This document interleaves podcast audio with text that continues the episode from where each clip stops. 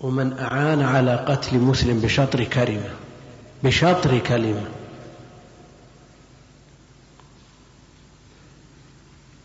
فالأمر ليس بالسهل ليس بالهين. فعلى المسلم أن يتقي هذا الباب لا سيما في مثل هذه الظروف التي تكالبت فيها الأعداء على الأمة. نحن بحاجة ماسة إلى اتحاد. نحن بحاجة إلى ائتلاف قلوب لنقف صفا واحدا ضد العدو المشترك الذي يريد النيل من ديننا قبل أموالنا ودمائنا. نعم يوجد مخالفات يوجد منكرات يوجد معاصي هذه تعالج. تعالج لا يعالج المنكر بمنكر أعظم منه. لا يجوز إنكار المنكر بما يترتب عليه مفسدة أعظم منه باتفاق أهل العلم. لكن إنكار المنكر واجب على كل مستطيع. من رأى منكم منكرا فليغيره بيده. فإن لم يستطع فبلسانه فإن لم يستطع فبقلبه. الدين ولله الحمد. جعل لكل شخص ما يناسبه وما يستطيعه.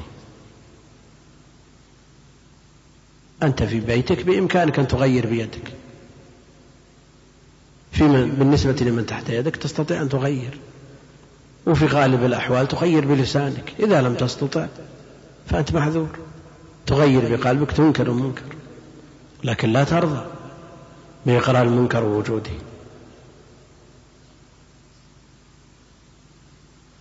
ولا يجوز لأحد كائنا من كان أن يعتدي على مسلم بأي حجة كانت. فإذا كان في حديث اللعان في حديث عويمر العجلاني سأل النبي عليه الصلاة والسلام عن الرجل يجد رجلا عند امرأته أو على امرأته أيقتله فتقتلونه؟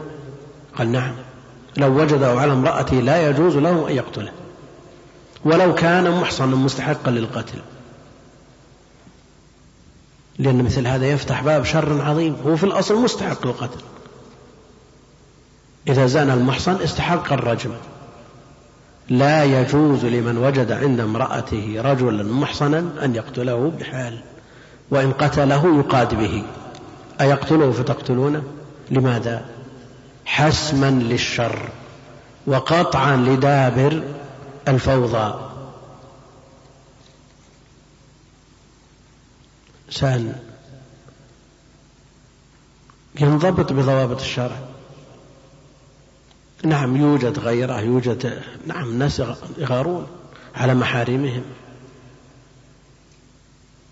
تعجبون من غيرة سعد؟ النبي عليه الصلاة والسلام أغير من سعد. لكن لا بد أن تكون الغيرة مضبوطة بضوابط شرعية. وإلا صارت الناس المسألة فوضى. لا بد أن تضبط هذه الغيرة بضوابط شرعية. والذي يجد عنده نسأل الله السلامة والعافية. عند امرأته رجلا. ولو وجده يفعل معها ما يفعله الرجل مع امرأته هناك حلول شرعية. الطلاق بيد الرجل في حالة وجود حمل اللعان ويبرأ من الولد. لكن أيقتله فتقتلونه؟ كل هذا إيش؟ من أجل قطع دابر الفوضى. الناس لا يصلح الناس فوضى. بلا شك.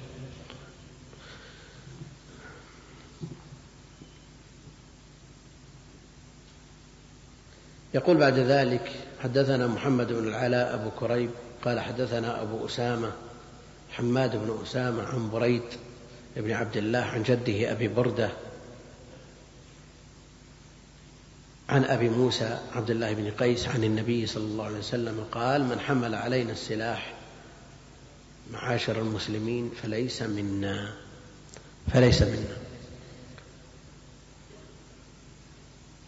لا شك أن في حمل السلاح إخافة للمسلمين وإدخال للرعب في قلوبهم. ولا شك أن الأمن أهم من الطعام والشراب.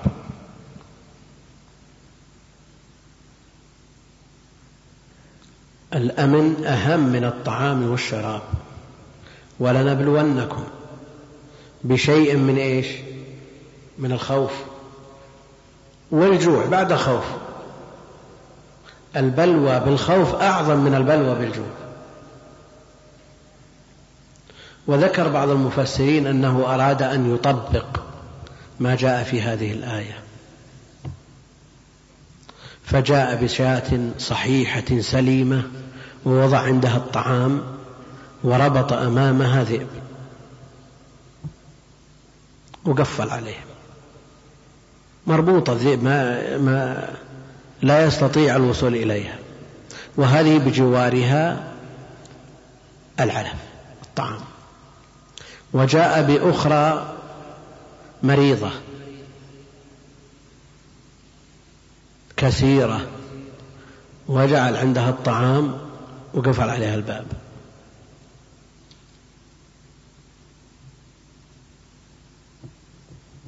ها. لما أصبح فتح الباب وجد الشاة التي عند الذئب ما تحرك طعامه ما نقص. ما نقص. والأخرى قد أكلت الطعام كله وهي مريضة كثيرة.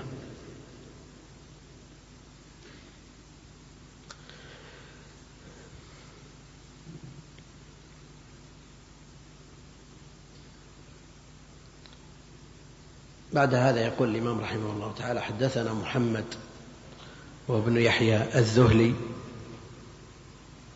أو ابن رافع لكن الأكثر على أنه الذهلي. والإمام البخاري رحمه الله تعالى يروي عنه ولا يسميه ما يمكن أن يسميه باسمه الكامل الواضح الذي يعرف به. لما عرف بينهما من خلاف في مسألة اللفظ اللفظ بالقرآن. فالذهلي إمام حافظ متقن من أوعية العلم لا مندوحة ولا مفر عن الرواية عنه والاختلاف فيه مع البخاري في مسألة اللفظ. خشي البخاري أن يصرح باسمه فتظن موافقته له في هذه المسألة. فالإمام البخاري رحمه الله لورعه روى عنه ولخوفه من أن تظن به الموافقة له في الرأي أبهمه. قال حدثنا محمد قال حدثنا عبد الرزاق بن همام الصنعاني المعروف عن معمر بن راشد عن همام ابن منبه قال سمعت أبا هريرة رضي الله عنه عن النبي صلى الله عليه وسلم قال لا يشير أحدكم على أخيه بالسلاح. لا يشير. لا هذه إيش؟ نافية ولا ناهية؟ إيش؟ نافية. لماذا؟ بلا شك. لا لو كانت ناهية لكان لا يشير. وفي بعض الروايات. في بعض الروايات جاءت لا يشر بالجزم وعلى كل سواء كانت نافية أو ناهية النهي الصريح بلا الناهية والنفي يراد به النهي وحينئذ يكون أبلغ من النهي الصريح. لا يشير أحدكم على أخيه بالسلاح فإنه لا يدري لعل الشيطان ينزع في رواية ينزغ وإما ينزغنك من الشيطان نزغ ينزع في يده. أن يتصرف الشيطان فيحرك اليد أو يدفع اليد فيقع في حفرة من النار يعني إذا قتل أخاه. ولو لم يقصد قتله. ولو لم يقصد قتله. لكنه فعل ما نهي عنه من الإشارة والشيطان أيضا تدخل إما باليد أو في قلبه وألقى في روعه أو شغله بما يذهله فتصرف مثل هذا التصرف وقتل أخاه وحينئذ يقع في حفرة من النار. وهو في الأصل لم يقصد القتل. فكيف لو قصد؟ يقول الإمام رحمه الله تعالى بعد ذلك حدثنا علي بن عبد الله قال حدثنا سفيان يعني بن عيينة قال قلت لعمر هو ابن دينار يا أبا محمد سمعت جابر بن عبد الله يقول مر رجل بسهام. هذا الرجل ما سمي سترا عليه. لا يعرف اسمه بسهام في المسجد والمسجد النبوي. فقال له رسول الله صلى الله عليه وسلم أمسك بنصالها. أمسك بنصالها. جمع نصل وهو الحديدة حديدة السهم المحددة التي تجرح من باشرها فمثل هذا إذا كان في مجامع الناس لا بد أن يمسك بنصالها لا يؤذي أحد. يجرح أحدا أو يقتل أحد ولو لم يقصد. أمسك بنصالها. قال نعم. سمعت جابر بن عبد الله يقول مر رجل بسهام في المسجد فقال صلى الله عليه وسلم أمسك بنصالها. هذا استفهام.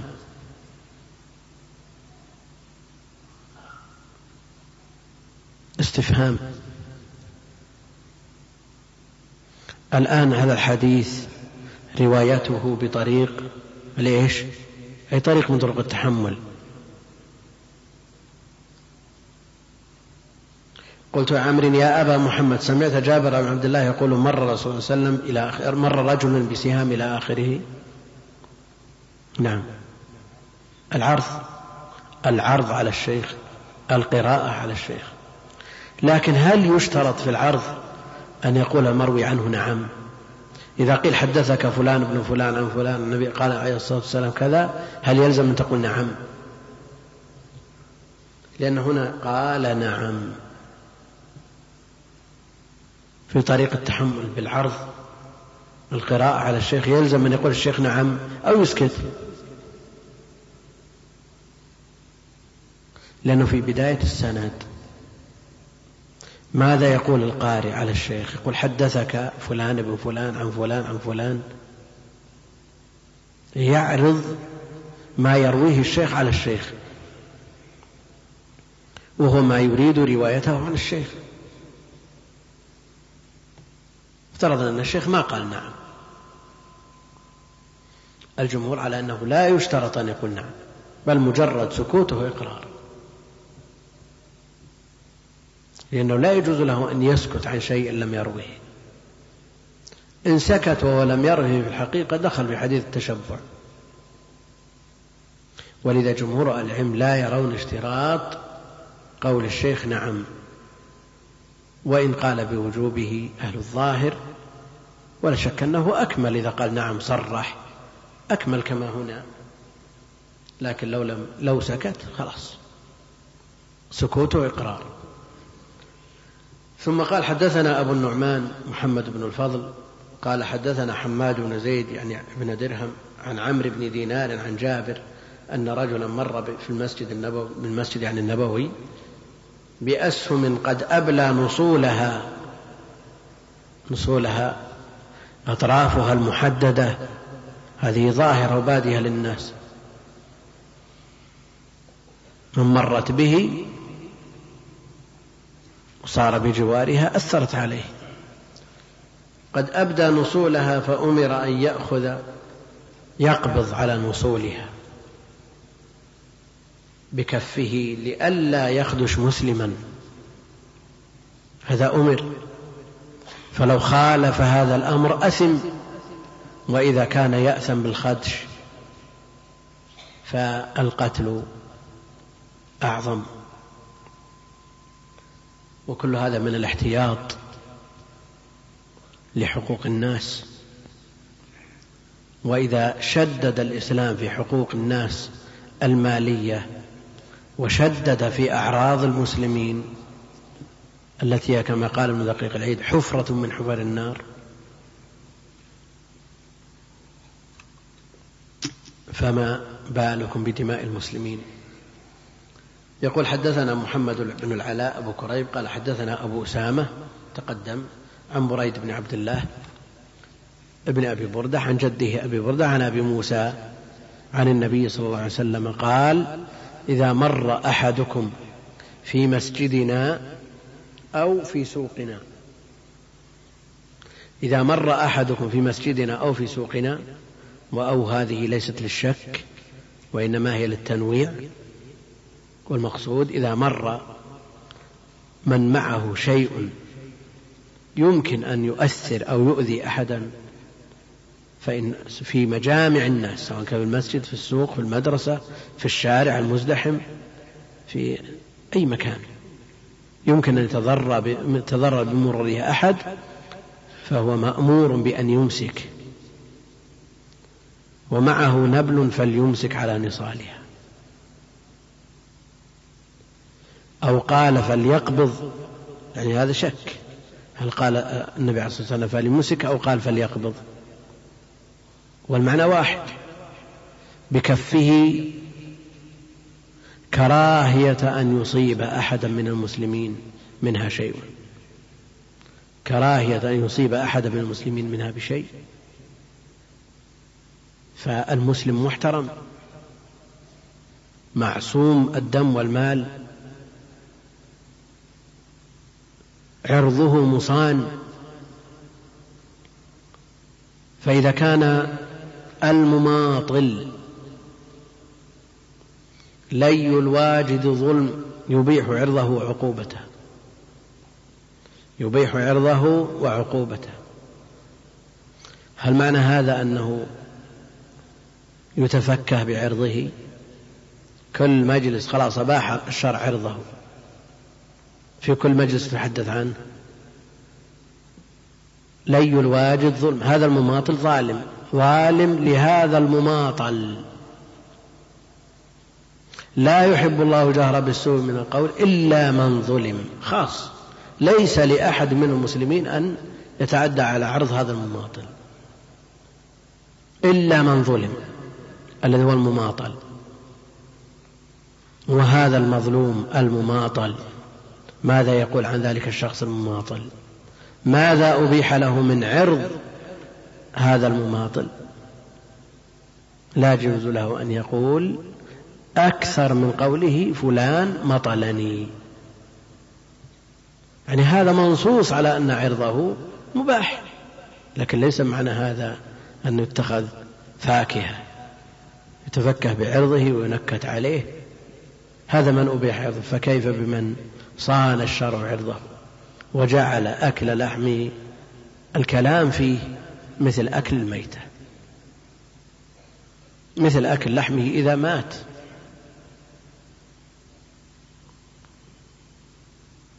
تصور أكل لحم آدمي وميت فالكلام فيه مثل هذا. والله المستعان. كم باقي على القانون؟ خلاص. شوف سؤال ولا؟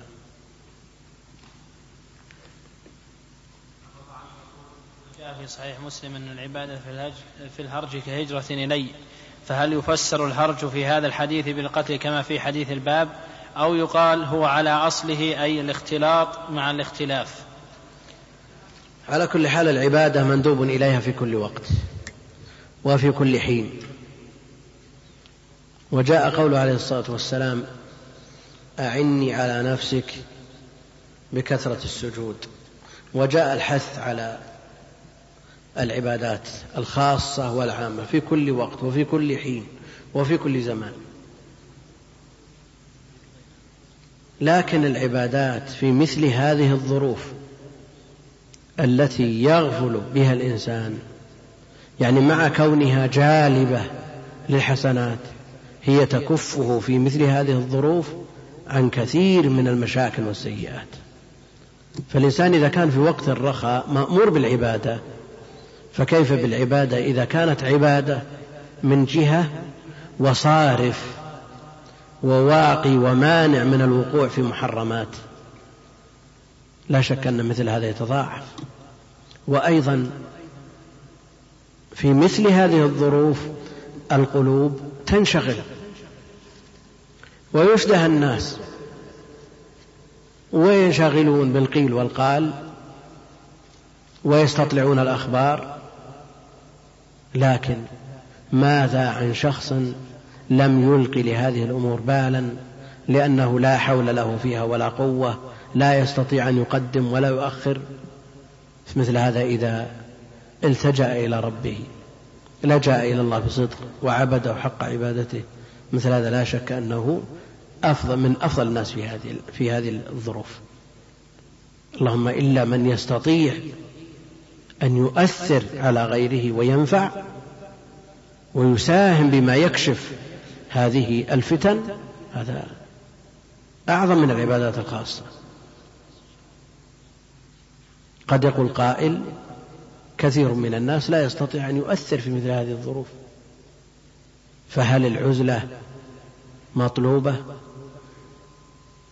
جاءت أحاديث تحث على العزلة يوشك أن يكون خير مال المسلم غنم. يتبع بها شعف الجبال يفر بدينه من الفتن.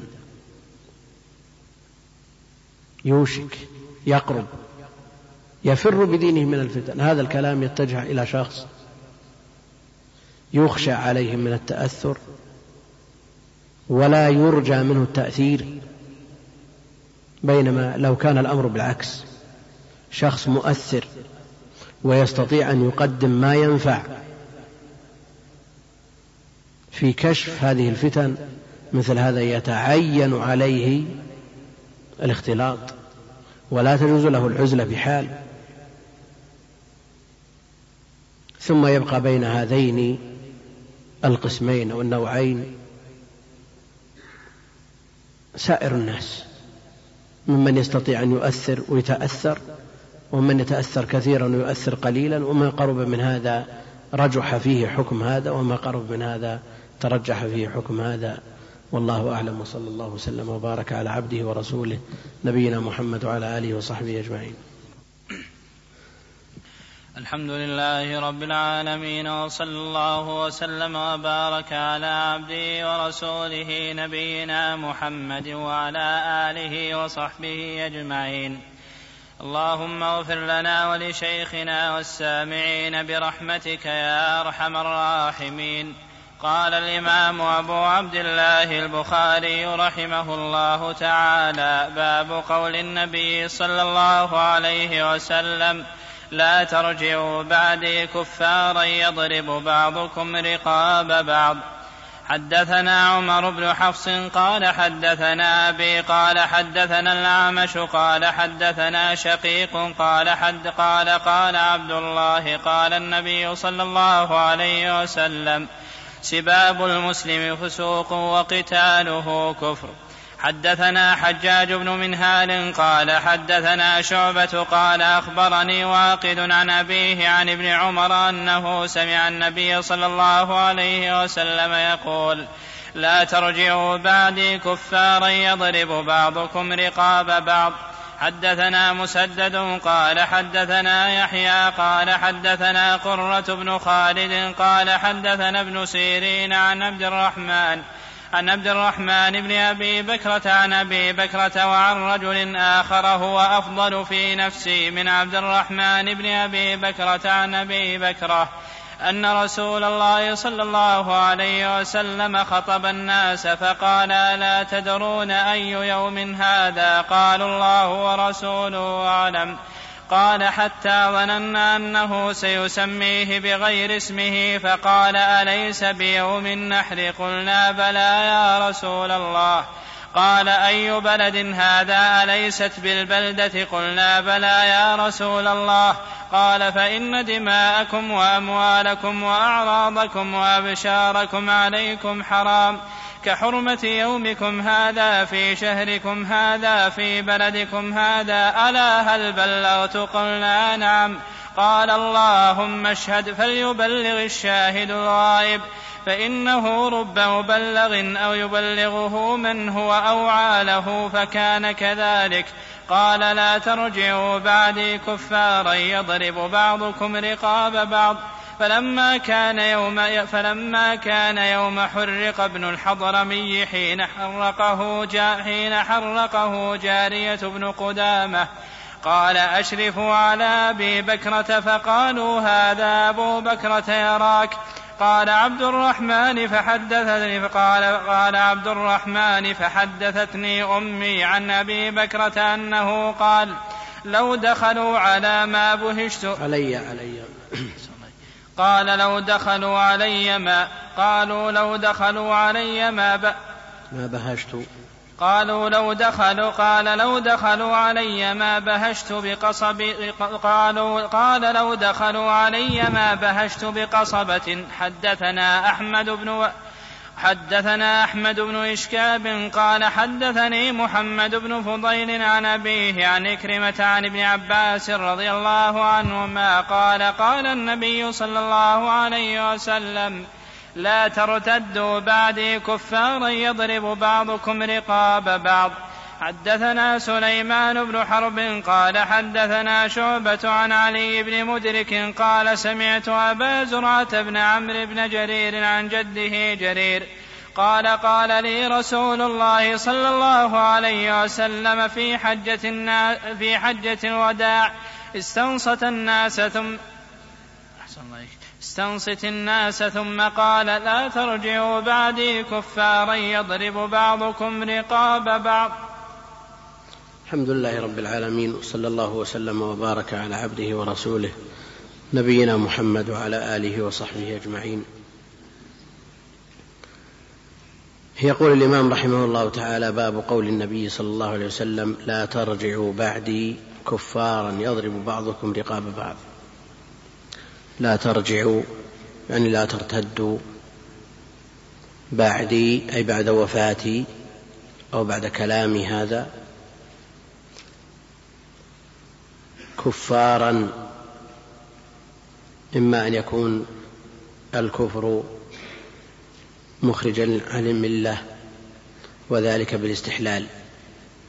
فإذا استحل الإنسان دم أخيه المسلم فإنه يكون بذلك مرتدا لأنه استحل أمرا منكرا مجمعا عليه معلوم تحريمه بالضرورة من دين الإسلام.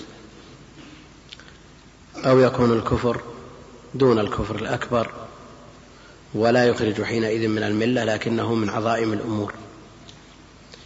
لا ترجوا بعدي كفارا يضرب بعضكم رقاب بعض يعني يقتل بعضكم بعضا فيه التحذير الشديد والوعيد على من ارتكب هذا الأمر الشنيع. وسبق الحديث عن حرمة القتل وما ورد فيه من نصوص ولا يزال المسلم في فسحة من دينه حتى يصيب دما حراما. لا ترجعوا بعدي كفارا. إما أن يكونوا كفارا بالمعنى المعروف من الكفر إذا أطلق وهو الخروج من الملة أو يكون المراد بذلك التشبيه يعني كالكفار الذين من شأنهم أن يضربوا أن يضرب بعضهم رقاب بعض. يقول رحمه الله حدثنا عمر بن حفص بن غياث قال حدثني أبي حفص بن غياث قال حدثنا الأعمش سليمان بن مهران قال حدثنا شقيق هو ابن سلمة أبو وائل قال قال عبد الله بن مسعود رضي الله عنه قال النبي صلى الله عليه وسلم سباب المسلم فسوق وقتاله كفر. سباب المسلم فسوق السب هو الشتم. السب والسباب كلاهما مصدر سب. يسب سبا وسبابا. ومنهم من يقول السباب أشد من السب لأن السباب يكون بما في الإنسان وما ليس فيه بخلاف السب. سباب المسلم فسوق الفسوق والفسق. الخروج. وفي الاصطلاح الخروج عن طاعة الله وطاعة رسوله عليه الصلاة والسلام. والفسوق أشد من مجرد العصيان.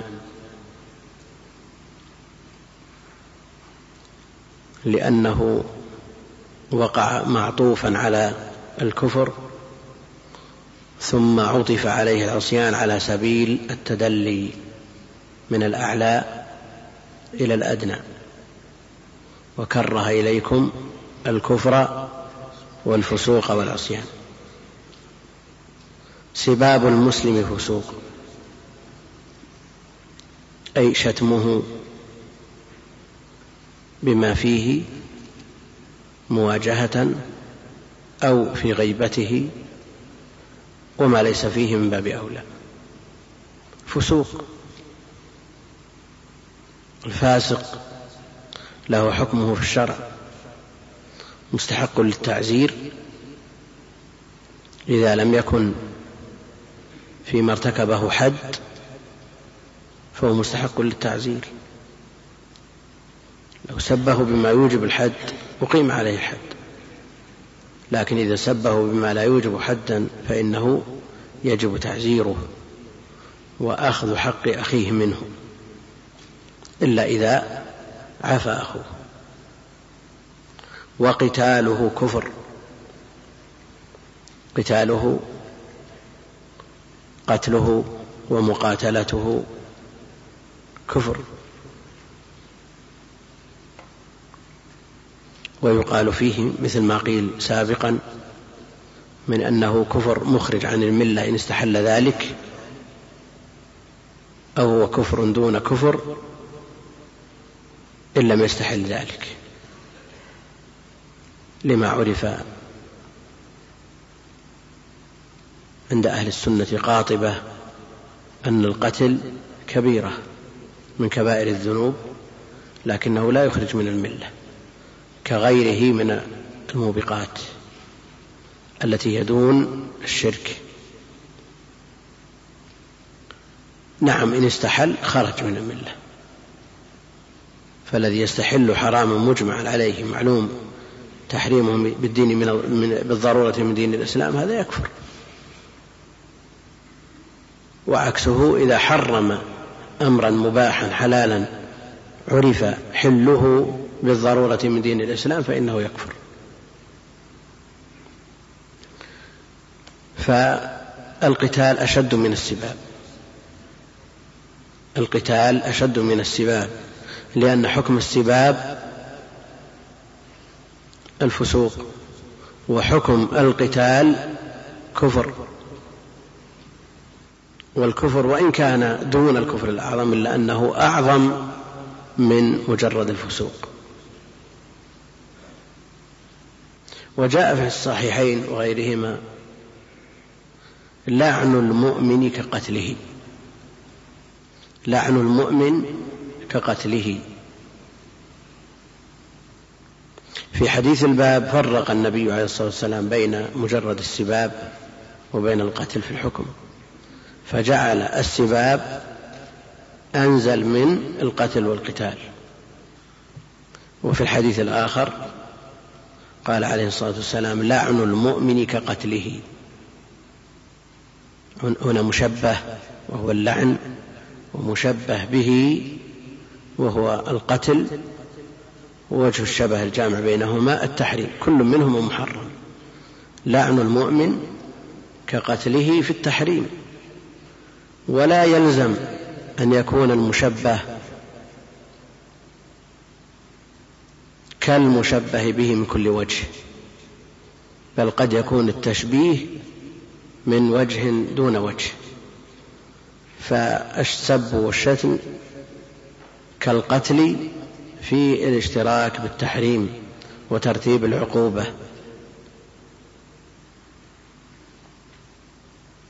تشبيه الوحي الوحي بصلصلة الجرس والوحي محمود والجرس مذموم. هل يعني هذا أن الوحي مشبه للجرس من كل وجه؟ لا. فالجرس له أكثر من وجه يمكن أن يشبه ببعضها دون بعض. فلا إشكال في الحديث لأن اللعن أشبه القتل من وجه دون وجه من وجه الاشتراك في التحريم كما أن الوحي أشبه صلصلة الجرس من وجه دون وجه فالجرس فيه قوة وتدارك في الصوت وفيه أيضا يعني جهة طنين وجهة إطراب فهو مشبه مشبه بالجرس من جهة القوة والتدارك في الصوت بينما جهة الإطراب التي وقع الذم من أجلها يفترقان. ولذا آلات التنبيه التي ليس فيها إطراب لا تدخل في الجرس المنهي عنه. وإن سماه الناس جرس؟ يعني لو وضع الإنسان على بابه زر كهربائي ينبه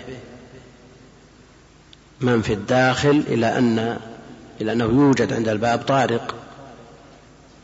إن أطرب هذا المنبه دخل في الجرس المذموم. إن كان مجرد صوت لا يطرب السامع فإنه لا يدخل في المذموم. وقل مثل هذا في الآلات كلها. والناس مع الأسف الشديد يعانون مما يسمعون من الأجراس المطربة في مواطن العبادة بل في أثناء العبادة. بسبب الجوالات. فعلى المسلم أن يتقي الله عز وجل. والملائكة لا تصحب رفقة فيها جرس. هذا جرس يا أخي. جرس مطرب وموسيقى وجاء الوعيد الشديد في من اتخذ المعازف. هذا نوع منها. نسأل الله العافية. وتتضاعف التحريم بفضل المكان والزمان. مع الأسف نجد هذه الأجراس المطربة ترن في المساجد بل في أشرف البقاع في المطاف. والله المستعان. فتشبيه الشتم باللعن اللعن بالقتل لا يعني أنه مشبه له من كل وجه. وهناك أمثلة كثيرة لهذا الضرب. تشبيه رؤية الباري جل وعلا برؤية القمر تشبيه للرؤية بالرؤية وليس بتشبيه للمرء بالمرء. تشبيه النزول على اليدين في الصلاة ببروك البعير لا يقتضي أن من قدم يديه ووضع يديه على الأرض برفق أن يكون مشبها للبعير حتى ينزل على الأرض بقوة ويثير الغبار ويفرق الحصى حينئذ يكون مشبها لبروك البعير. أما إذا وضع يديه على الأرض مجرد وضع لم يشبه البعير. على كل حال هذا لو ذهبنا نستطرد بذكر الأمثلة يمكن يستغرق الوقت كله بعد هذا يقول الإمام رحمة الله عليه حدثنا الحجاج بن منهال بصري قال حدثنا شعبة ابن الحجاج أبو بسطام قال أخبرني واقد. واقد. هذا من نسل عمر بن الخطاب. واقد ابن محمد. ابن زيد ابن عبد الله بن عمر واقد بن محمد ابن زيد بن عبد الله بن عمر بن الخطاب. عن أبيه محمد بن زيد عن جده عبد الله بن عمر أنه سمع النبي صلى الله عليه وسلم يقول في حجة الوداع عند جمرة العقبة لا ترجعوا بعدي كفارا إما مرتدين أو كالكفار يضرب بعضكم رقاب بعض على ما تقدم تقريره. ثم قال رحمة الله عليه حدثنا مسدد مر بنا مرارا ابن مسارهد ابن مساربل إلى آخر ما ركب من نسبه والذي يغلب على الظن أنه تركيب. مسدد بن مسرهد بن مسربل بن مغربل بن أرندل بن سرندر بن عرندل ما يمكن تجتمع بهذه الصورة. لعله تركيب. قال حدثنا يحيى وابن سعيد القطان. قال حدثنا قرة بن خالد السدوسي. قال حدثنا ابن سيرين محمد الإمام المعروف. عن عبد الرحمن بن أبي بكرة عن أبي بكرة عن أبيه أبي بكر نفيع بن الحارث الثقفي عن رجل آخر. هو حميد بن عبد الرحمن الحميري. عن رجل آخر هو أفضل في نفسي من عبد الرحمن بن أبي بكرة. صرح بعبد الرحمن بن أبي بكرة لأن المروي من طريقه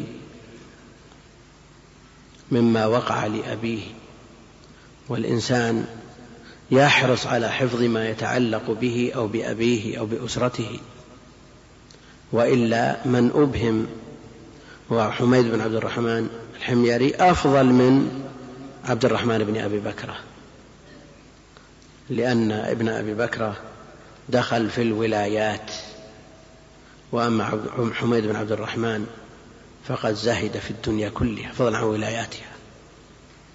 ولا شك أن من مالت به الدنيا ومال بها معرض للخطر بخلاف من عزف عنها. ولا يعني هذا أن أمور المسلمين تعطل وكل الناس يزهد فيها بل قد يتعين العمل فيها على بعض الناس. وإذا ألزم الإنسان من غير مسألة بهذه الولايات ونصح وبذل جهده واستفرغ وسعه في نصح الناس والنصح لهم لا شك أنه مثاب بل ثوابه عظيم لأن هذه أمور هي في الأصل خدمة للأمة. والله المستعان. لكنه في الغالب يعني هي امتحان قل أن ينجو منها. نعمة المرضعة وبئسة الفاطمة قل من ينجو منها. ابن عباس قيل فيه هذا الكلام. جاء رجل يسأل ابن عمر فقال له سل ابن عباس. فذكر له أن ابن عباس صار عنده شيء من التوسع في أمور الدنيا يعني في المباحات. بينما ابن عمر زهد في هذه الأمور. فالناس لا شك أنهم يحسنون الظن بمن لا نظر له في الدنيا. وإن كان أقل في العلم والله المستعان. وعن رجل آخر هو أفضل مني في نفسي من عبد الرحمن بن أبي بكرة عن أبي بكرة الصحابي الجليل فيع بن الحارث أن رسول الله صلى الله عليه وسلم خطب الناس يوم النحر بمنى فقال ألا تدرون أي يوم هذا؟ هذا للفت النظر من أجل الانتباه لما يلقى. ألا تدرون أي يوم هذا؟ قالوا الله ورسوله أعلم. لما سأل دهشوا. هم يعرفون أن اليوم يوم النحر لكنهم دهشوا لما سئلوا عن شيء معلوم بالبداهة. نعم لو سئلت عن شيء لا يخفى عليك حتى عند السائل يعرف أنه لا يخفى عليك ما تدري ماذا تجيب. لأن هذا معلوم من عند الطرفين السائل والمسؤول. إذا لا بد أن يكون السائل أراد شيئا آخر غير المسؤول عنه. أو أن المسؤول ما فهم السؤال على وجهه وحقيقته. من الدهشة. قالوا الله ورسوله أعلم. الصحابة رضوان الله عليهم سئلوا عن يوم النحر فقالوا الله ورسوله أعلم. وصغار طلاب العلم يسألون عن عضل المسائل فيجيبون بغير تردد. الآن الصحابة يتدافعون الفتيا. ولم يجيبوا عن اليوم الذي هم فيه. ولا يعني هذا أن الإنسان إذا عرف شيئا من العلم واحتاج الناس إليه أنه يكتم ما عنده من العلم لا لكن المسألة التوسط في الأمر. من عنده شيء لا يجوز له أن يكتمه إذا تعين عليه والذي ليس عنده من العلم ما يكفيه للإجابة على مسألة بعينها أو مسائل. يقول الله أعلم. ولا يضير ولا ينقص من قدره. بل هذا فيه الرفعة في الدنيا والآخرة. ولم يضر الإمام مالك رحمه الله لما سئل عن أربعين مسألة فأجاب عن أكثر من ثلاثين اثنتين وثلاثين أو ست وثلاثين لا أدري. وهذا متوارث عند أئمة الهدى في المتقدمين والمتأخرين. والله المستعان. إلى أن وصل الحد بنا إلى أن صغار المتعلمين أو بعض من لا يمت إلى العلم الشرعي بصلة أن يتصدى ويتصدر لإفتاء الناس وتوجيههم. والله المستعان. قالوا الله ورسوله أعلم حتى قال حتى ظننا أنه سيسميه بغير اسمه. فقال أليس بيوم النحر؟ قلنا بلى يا رسول الله. قال أي بلد هذا؟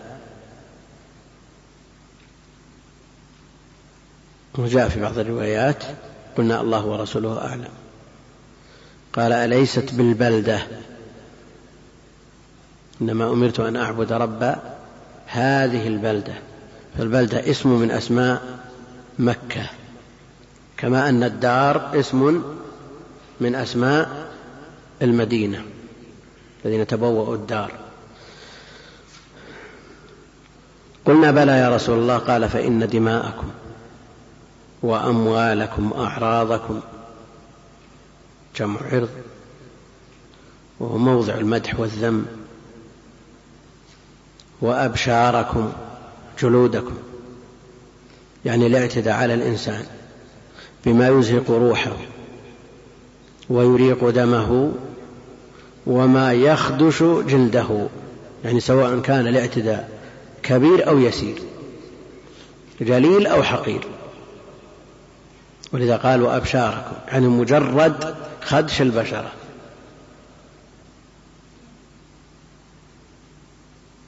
يعني لو تمر من عند واحد أو شيء بظفرك تخدش بشرته أو بأي شيء بآلة هذا حرام.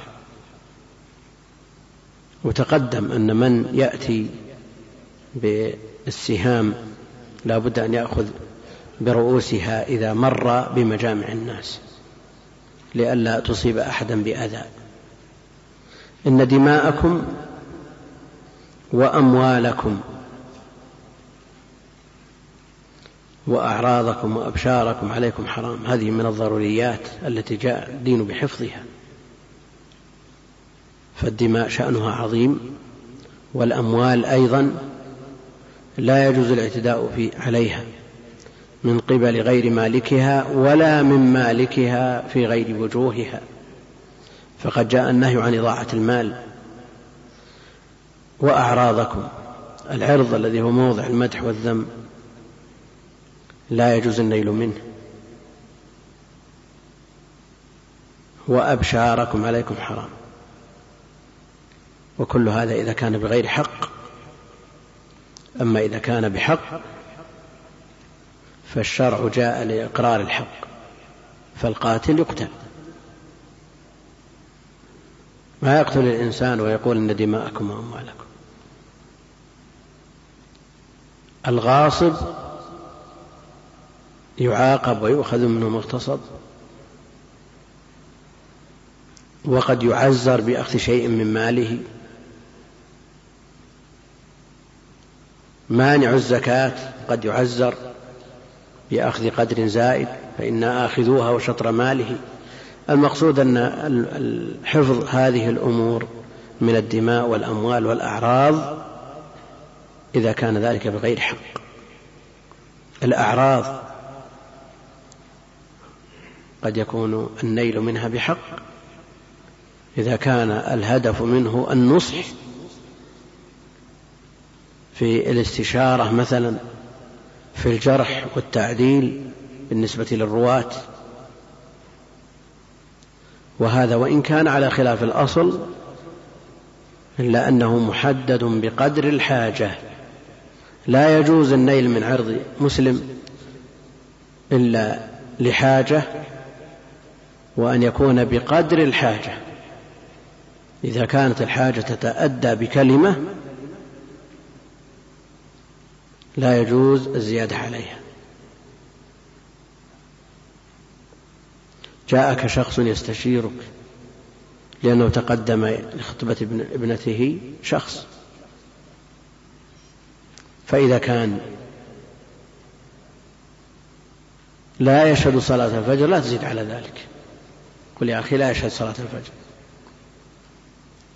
يجوز لك أن تقول الخبيث المخبث اللي فيه ما لا فيه اللي ما الفاعل التارك ما يشهد صلاة الفجر أكيد أنه قاعد بيسوي كذا وكذا ما, ما عليك. لا يجوز لك أن تقدح إلا بما تعلم. وهذا بقدر الحاجة وإذا دعت إليه الحاجة. ومثله جرح الرواة. مع الأسف أن نجد بعض من ينتسب إلى طلب العلم همه وديدنه الجرح والتعديل الذي لا تدعو إليه الحاجة ولا يترتب عليه أدنى مصلحة. وتجد القيل والقال كله في أعراض الأخيار أيضا مع سلامة الأشرار. الشيخ فلان قال كذا الشيخ علان أفتى بكذا تسامح بكذا داهن في كذا عليك منه. كان عندك له نصيحة اذهب إليه بعد أن تقدم ما يفتح قلبه لك. ما تأتي على سبيل المتعالي أو على جهة التعالي لتنصح شخص أكبر من أبيك؟ نعم عليه أن يقبل وعليك أن تقدم الأسلوب المقبول. إما أن تكون في المجالس فلان فعل وفلان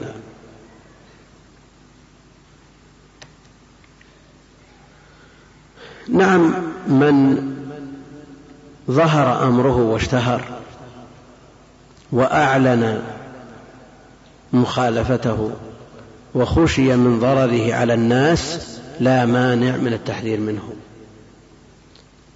لأن ضرره إذا خشي منه أن يتعدى يحذر منه. فإن كان يكفي التلميح تعين. وإن لم يكفي التلميح بل لابد من التصريح يصرح به لكن أيضا بقدر الحاجة.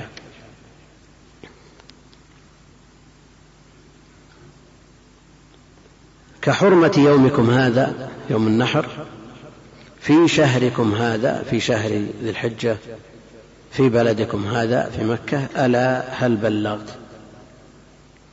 ألا هل بلغت؟ يعني ما أمرت بتبليغه قلنا نعم. بلغت يا رسول الله.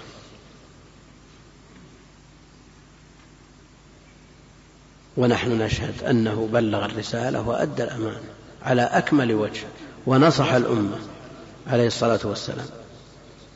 قال اللهم اشهد فليبلغ الشاهد الغائب. يعني من حضر يبلغ من غاب. فإنه رب مبلغ. هذا تقليل. رب مبلغ يبلغه من هو أوعى منه وأحفظ. يعني رب مبلغ أو رب مبلغ من الحاضرين يبلغه لشخص هو أوعى منه له وأحفظ له وأفهم. ورب هذه للتقليل. لئلا يقول قائل أنه يوجد في هذه العصور من هو أفهم من الصحابة. نقول لا ما هو صحيح. قد يوجد. واحد من الصحابة هذا تقليل. واحد أو أفراد من الصحابة مع ما نالوه من شرف الصحبة ورسوخ القدم في الديانة يكون فهمهم لأنهم ليسوا بمعصومين. هؤلاء النفر اليسير قد يوجد في من جاء بعدهم من هو أحفظ وأوعى. وهكذا إلى قيام الساعة. يوجد.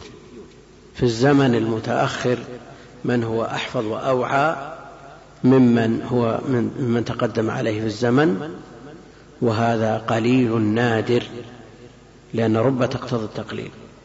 وسبق الحديث فإنه لا يأتي زمان إلا والذي بعده شر منه. هذا إجمالي. هذا إجمالي.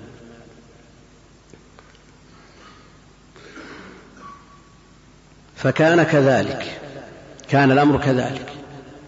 بلغ الصحابي التابعية وقد يكون في التابعين وهذا مثل ما ذكرنا نادرا الواحد أو الاثنين من هو أحفظ من الواحد أو الاثنين من الصحابة. فكان كذلك فقال لا ترجعوا بعدي كفارا يضرب بعضكم رقاب بعض. قال ابن أبي بكرة فلما كان يوم حرق ابن الحضرمي. يوم حرق ابن الحضرمي. عبد الله بن عمرو. حين حرقه جارية بن قدامة بن مالك بن زهير السعدي. السبب أن ابن الحضرمي وجهه معاوية رضي الله عنه يستنفر أهل البصرة إلى قتال علي رضي الله عنه. فوجه علي رضوان الله عليه جارية بن قدامة إلى ابن الحضرمي فتحصن ابن الحضرمي في دار في دار فحرق جارية الدار بمن فيها.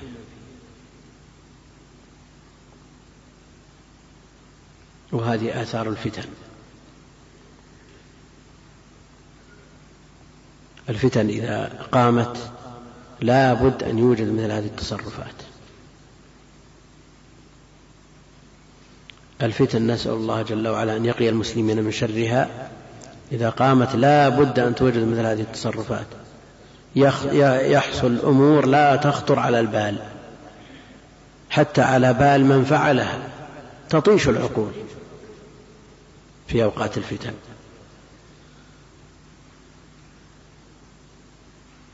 يعني أمير المؤمنين عثمان رضي الله عنه يقتل في المدينة بين الصحابة وقد قدم ما قدم للإسلام والمسلمين وشهد له النبي عليه الصلاة والسلام بالجنة كل هذا كل هذا سببه الفتن.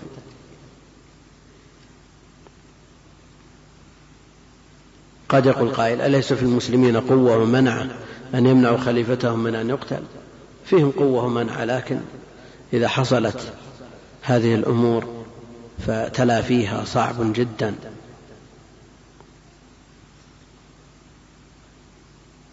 فعلى كل إنسان أن يساهم بقدر ما أوتي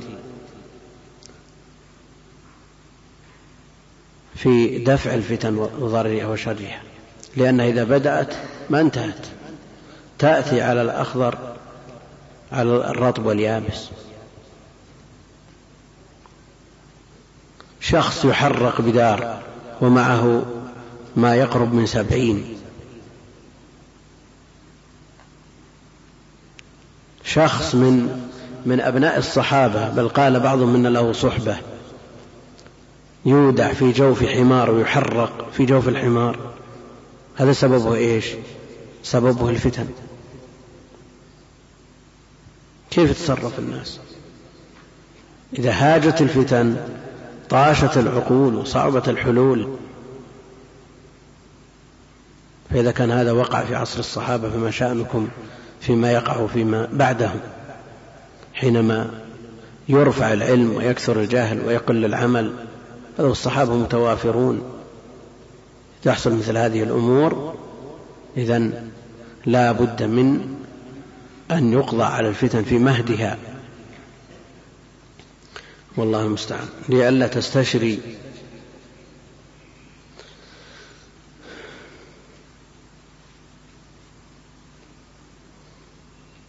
يقول فلما كان يوم حرق ابن الحضرمي حين حرقه جارية بن قدامة قال جارية لجيشه أشرف على أبي بكرة أشرف على أبي بكرة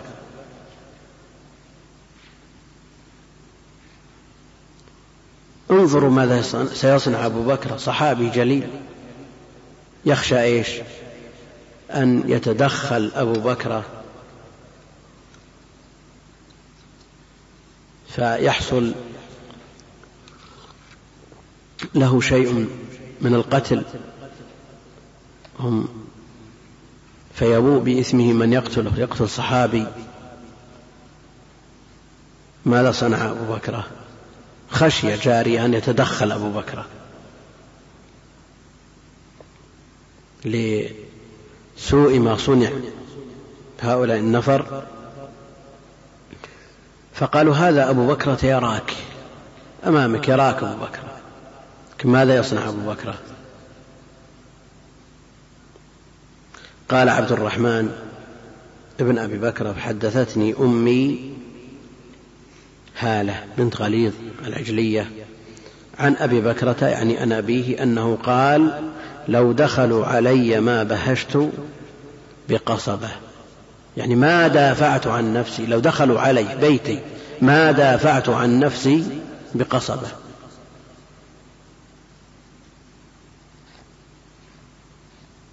ما يدافع عن نفسه.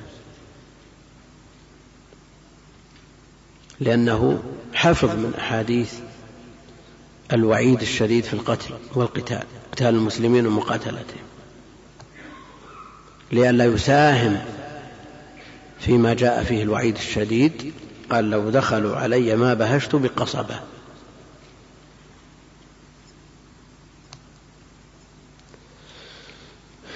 ثم قال حدثنا أحمد بن إشكاب الصفار قال حدثنا محمد بن فضيل بن غزوان عن أبيه فضيل بن غزوان عن عكرمة مولى بن عباس عن ابن عباس رضي الله عنهما قال قال النبي صلى الله عليه وسلم لا ترتدوا بعدي كفارا يضرب بعضكم رقاب بعض. لا ترتدوا بعدي كفارا يضرب بعضكم رقاب بعض. البخاري رحمه الله احتج بعكرمة مولى ابن عباس. وعكرمة فيه كلام لأهل العلم بل قال بعضهم إنه يرى ليش ها. نعم لا القدر ما يجي هنا. يرى إيش؟ يرى السيف. قالوا يرى السيف. هو مذهب الخوارج. نعم. معروف كلام الذهبي في السير طويل ودافعوا عنه لكن نحن نريد أن نقرر شيء هنا.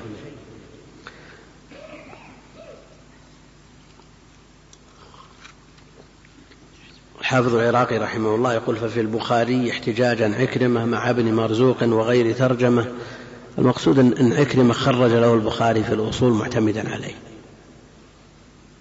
وإن مس بضرب من التجريح من قبل غيره واتهم برأي الخوارج لكنه لم يثبت عنه. لم يثبت عنه. الآن الخبر الذي يرويه عكرمة عن ابن عباس رضي الله عنه قال قال النبي عليه الصلاة والسلام لا ترجعوا بعدي كفارا يضرب بعضكم رقاب بعض. هل نقول أن عكرمة متهم؟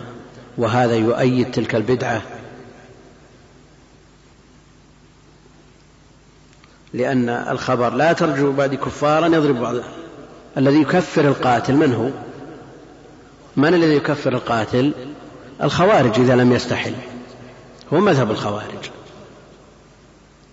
فهل نتهم عكرمة لأنه روى هذا الحديث ونقول هذا الحديث يؤيد بدعته؟ ونقول نسبة البدعة إليه لم تثبت. نسبة البدعة إليه لم تثبت بل فندها وردها أهل العلم حافظ الذهبي في السير وحافظ بن حجر في مقدمة فتح الباري تكلم بكلام طويل حوله. ثم قال حدثنا سليمان بن حرب الأزدي البصري قال حدثنا شعبة عن علي بن مدرك النخعي قال سمعت أبا زرعة هارم بن عمرو بن جرير بن عبد الله البجلي عن جده جرير بن عبد الله قال قال لي رسول الله صلى الله عليه وسلم في حجة الوداع عند جمرة العقبة استنصت الناس. استنصت الناس يعني مرهم بالسكوت والإنصات. ثم قال بعد أن أنصتوا وسكتوا عليه الصلاة والسلام لا ترجعوا. بعد كفارا يضرب بعضكم رقاب بعض وهذا تقدم الحديث فيه وهو أن القتل هو من شأن الكفار من شأن الكفار. فلا ترجعوا بعدي كالكفار يضرب بعضكم رقاب بعض. أو كفارا إن استحللتم ذلك كما هو مقرر عند أهل العلم. نعم. باب تكون فتنة القاعد فيها خير من القائم. حدثنا محمد بن عبد بن عبيد الله قال حدثنا إبراهيم بن سعد عن أبيه عن أبي سلمة بن عبد الرحمن عن أبي هريرة رضي الله عنه قال إبراهيم وحدثني صالح بن كيسان عن ابن شهاب قال وحدثني صالح بن كيسان عن ابن شهاب عن سعيد بن المسيب ان أبي هريرة رضي الله عنه قال قال رسول الله صلى الله عليه وسلم ستكون فتن القاعد فيها خير من القائم والقائم فيها خير من الماشي والماشي فيها خير من الساعي. من تشرف لها تستشرف فمن وجد فيها ملجأ أو معاذا فليعذ به. حدثنا أبو اليمان قال أخبرنا شعيب عن الزهري قال أخبرني أبو سلمة بن عبد الرحمن أن أبا هريرة رضي الله عنه قال قال رسول الله صلى الله عليه وسلم ستكون فتن القاعد فيها خير من القائم خير من القائم والقائم خير من الماشي والماشي فيها خير من الساعي من تشرف لا تستشرف فمن وجد ملجأ أو معاذا فليعذ به. يقول رحمه الله باب تكون فتنة يعني عظيمة. تنوين هنا للتعظيم القاعد فيها خير من القائم.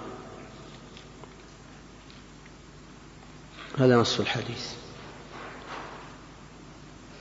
فترجم على الحديث بجزء منه. ثم قال حدثنا محمد بن عبد الله عبيد الله بن محمد بن زيد قال حدثنا إبراهيم بن سعد عن أبيه سعد بن إبراهيم بن عبد الرحمن بن عوف عن عمه أبي سلمة بن عبد الرحمن عن أبي هريرة قال إبراهيم إبراهيم بن سعد. وحدثني يعني متابعا لأبيه صالح بن كيسان. عن ابن شهاب الزهري وصالح بن كيسان من أخص طلاب الزهري. وإن كان أكبر منه سنا فإنه ما تعلم إلا بعد أن طعن في السن. عن ابن شهاب عن سعيد بن المسيب عن أبي هريرة قال قال رسول الله صلى الله عليه وسلم ستكون فتن. عند أبي ذر فتنة. ستكون فتن. القاعد فيها خير من القائم والقائم فيها خير من الماشي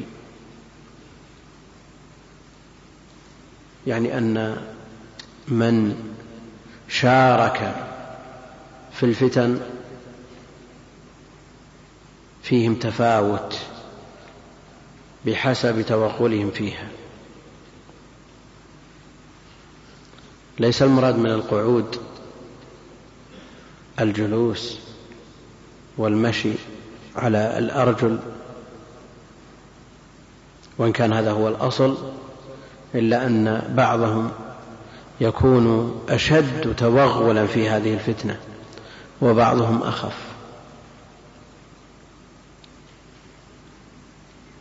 فمن اعتزل هذه الفتن لا شك أنه سالم. ولذا قال فمن وجد فيها ملجأ أو معاذا فليعث به فليعتزل.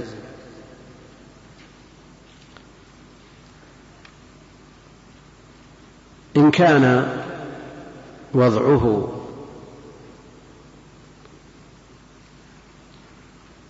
العلمي أو الاجتماعي يستدعي دخوله فيها.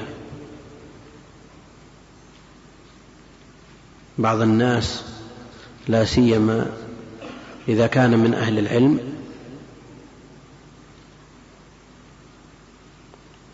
لا يسوغ له أن يعتزل إذا كان له إذا كان يستطيع التأثير في التخفيف من هذه الفتن. يعني إذا اعتزل أهل العلم والحلم والرأي فلمن تترك هذه الفتن؟ الفتن كالنار. تأتي على كل شيء. وأهل العلم وأهل الحلم والخبرة والدراية والعقل بهم أو بسببهم يقضى على الفتن بإذن الله. على كل حال من اضطر أو من احتيج إليه لمشاركته في هذه الفتن عليه أن يسعى لإخماد هذه الفتن من مهدها إن تمكن لكن لا يجوز له أن يساهم في إذكائها ولو بكلمة. ومن يساهم في إذكائها وتأجيجها هؤلاء متفاوتون بحسب أعمالهم فيها. منهم المحرض ومنهم المستوشي ومنهم المقصود أنهم متفاوتون. وعبر في الحديث عن هذا التفاوت بالقيام والقعود والمشي. فمن كان أثره في هذه الفتن أقل كان خير من كان أثره أعظم. إنها ستكون فتن القاعد فيها خير من القائم. والقائم فيها خير من الماشي والماشي فيها خير من الساعي من تشرف أي تطلع لها واستشرف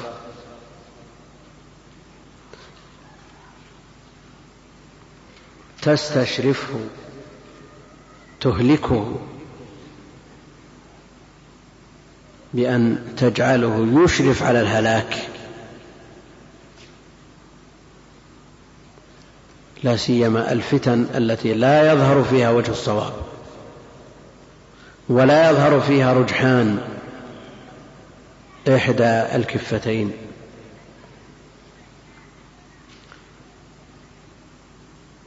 من تشرف لها تستشرفه فمن وجد فيها ملجأ أو معاذا أو ملاذا فليعوذ به وليلذ وليعتزل. وفي الصحيح يوشك أن يكون خير مال المسلم غنما يتبع بها شعف الجبال يفر بدينه من الفتن. وهذا سيأتي إن شاء الله تعالى. فالعزلة والسلامة لا يعدلها شيء لأن الإنسان قد يدخل في مثل هذه الأمور ظنا منه أنه يصلح لكنه قد يكون الأمر في غير مقدوره وطاقته فلينجو بنفسه.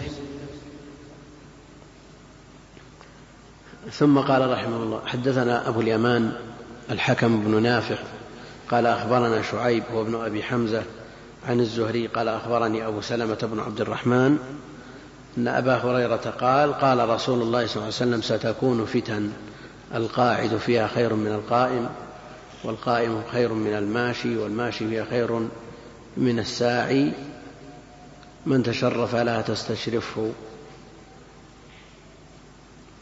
التحذير. هذا فيه التحذير من المشاركة في الفتن.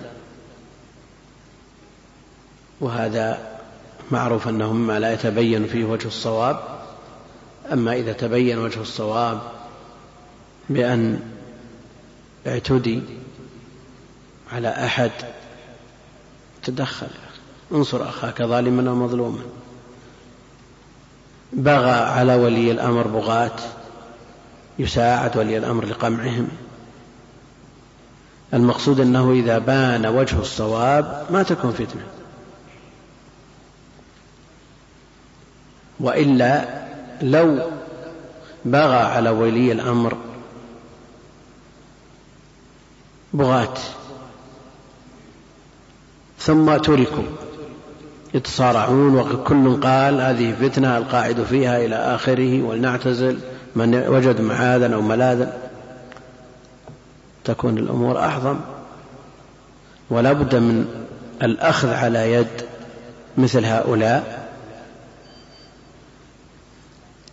ولا شك أنهم إن كان لهم تأويل سائغ يقبل منهم تأويلهم ويحاجون ويناقشون ويقنعون. والبغاة عند أهل العلم ليسوا بكفار. لكنهم لا شك أنهم معرضون للعقاب في الدنيا والآخرة بقدر ما يترتب على فعلهم من أثر. فلو كان كل شخص يقول أنا أعتزل مثل هذه الأمور صارت الدنيا ضياع. ما استقامت أمور الناس حتى يقمع من أراد أن يشق عصا المسلمين ويفرق جمعهم ويثير. المشاكل بينهم.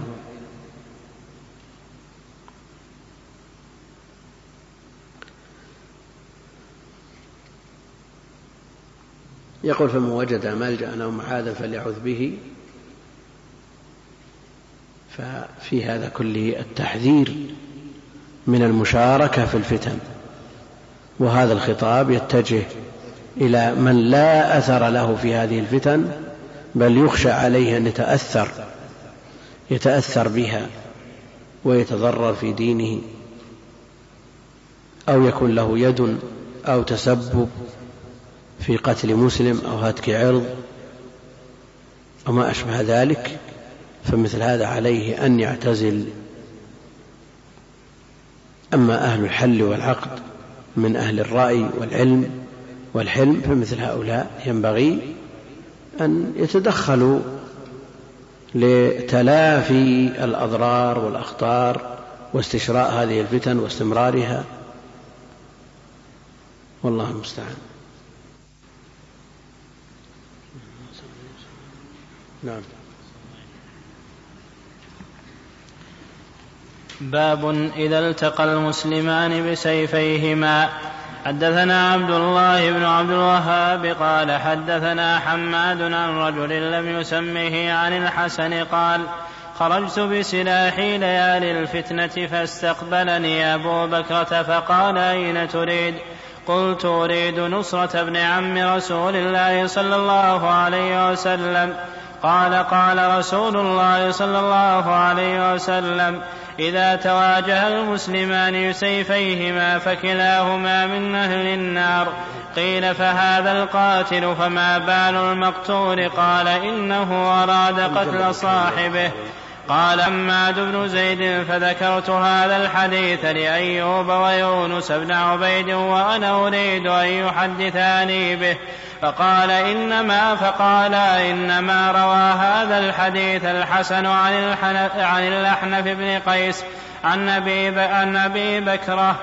حدثنا سليمان قال حدثنا حماد بهذا وقال مؤمل حدثنا حماد بن زيد قال حدثنا أيوب ويونس وهشام ومعل بن زياد عن الحسن عن الأحنف عن أبي بكرة عن النبي صلى الله عليه وسلم ورواه معمر عن أيوب ورواه بكار بن عبد العزيز عن أبيه عن أبي بكرة وقال غندر حدثنا شعبة عن منصور عن ربعي بن خراش عن أبي بكرة عن النبي صلى الله عليه وسلم ولم يرفعه سفيان عن منصور.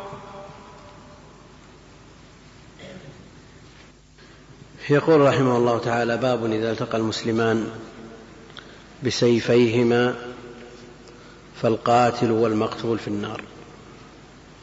إذا التقى المسلمان فهما مسلمان مع اتصافهما بالقتل فالقتل كبيرة وجريمة من كبائر الذنوب لكنه لا يخرج من الملة لأن كل من القاتل والمقتول من المسلمين.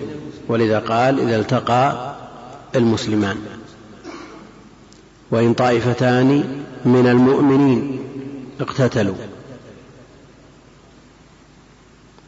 فالقتل لا يخرج من الملة. ما لم يستحله مرتكبه إذا التقى المسلمان بسيفيهما الجواب فالقاتل والمقتول في النار. وسيأتي. حدثنا عبد الله بن عبد الوهاب البصري قال حدثنا حماد هو ابن زيد عن رجل لم يسمه عن رجل لم يسمه. هذا الرجل الذي لم يسمه حماد هو عمرو بن عبيد شيخ المعتزلة. شيخ المعتزلة. والمعتزلة رأيهم في مرتكب الكبيرة كالقتل معروف. أنه ليس بمسلم وليس بمؤمن. ارتفع عنه الوصف لكنه لا يكفر. كما تقول الخوارج بل هو في منزلة بين المنزلتين. وإن كان مؤدى قولهم في الآخرة كقول الخوارج. إنه خالد مخلد في النار. وهذا في عموم مرتكب الكبيرة. عمرو بن عبيد يرويه عنه حماد بن زيد ولم يسمه.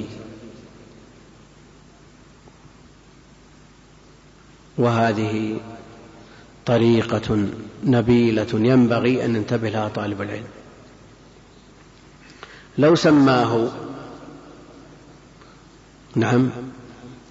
لأحسن الناس الظن به. يروي عنه هذا الحبر حماد بن زيد ويخرج له البخاري. وهو رأس من رؤوس المعتزلة.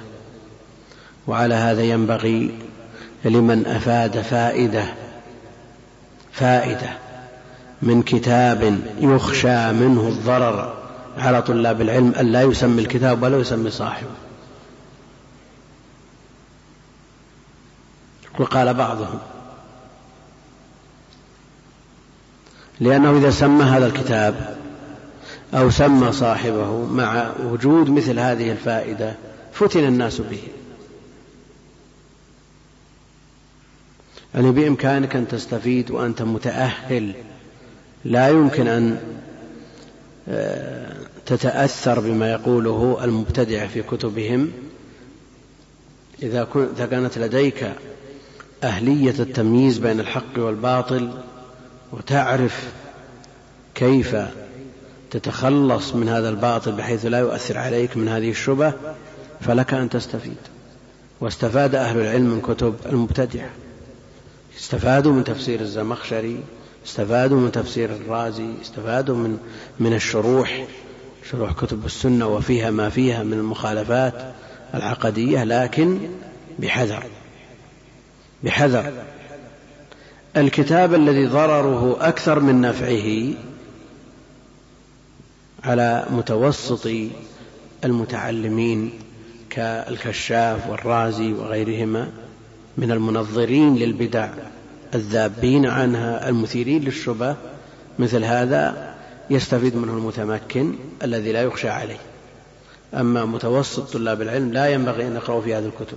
هذا المتمكن إذا استفاد ووجد فائدة من هذه الكتب التي لا ينصح صغار المتعلمين بقراءتها يقول قال بعضهم أو قال بعض المفسرين أو قال بعض الشراح وما أشبه ذلك. لئلا يفتن بها من لا يعرف حقيقة أمرها.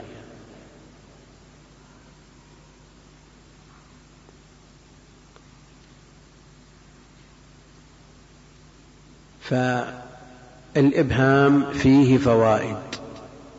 الإبهام فيه فوائد.